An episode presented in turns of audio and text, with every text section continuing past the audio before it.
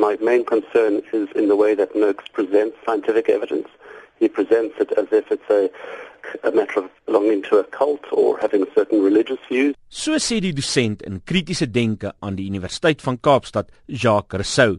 Hy is bekend daarvoor dat hy krities teenoor Noakes se aansprake staan. Volgens hom is Noakes se hipotese foutief. For example, we have childhood obesity dropping in the US as reported in the New York Times yesterday, and that isn't possible on his hypothesis. On his hypothesis, we should keep on getting fatter and fatter. Likewise, heart disease in the UK is dropping, and that also wouldn't make sense on his hypothesis. Monitor se wetenskapkorrespondent professor George Klassen aan die Universiteit Stellenbosch sê Noakes baseer sy eetplan op anekdotes. Die goudstandaard van mediese wetenskap en mediese navorsing is die gekontroleerde kliniese dubbelblinde studies.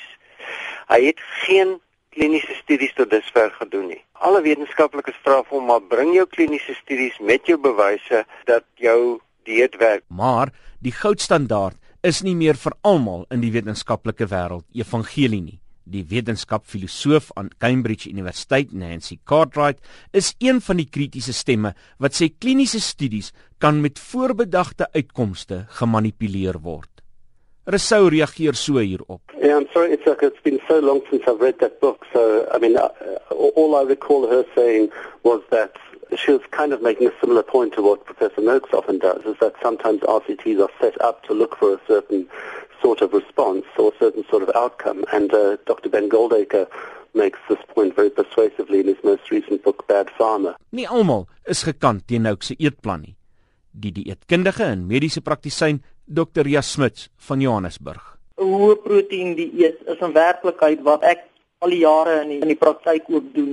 Dit hoef nie hoë vet te wees nie. Dit is koolhidrate wat volgens al die nuutste navorsing die mense om besig is om hom siek te maak. En mense gaan eintlik regtig vir hoë goeie gesondheid in hartvaskiektes en suikersiekte en insulienweerstand aan jou hoë proteïen dieet met 'n gekontroleerde laer koolhidraatinname. Dit is hierdie teenstrydige menings wat Steven Earl het besluit het om Noakes 'n kans te gee. Daar's honderde gevalle van mense wat met anekdotes vorendag kom en stories, jy weet waarheid is, hier sit ek, ek 17 kg ligter.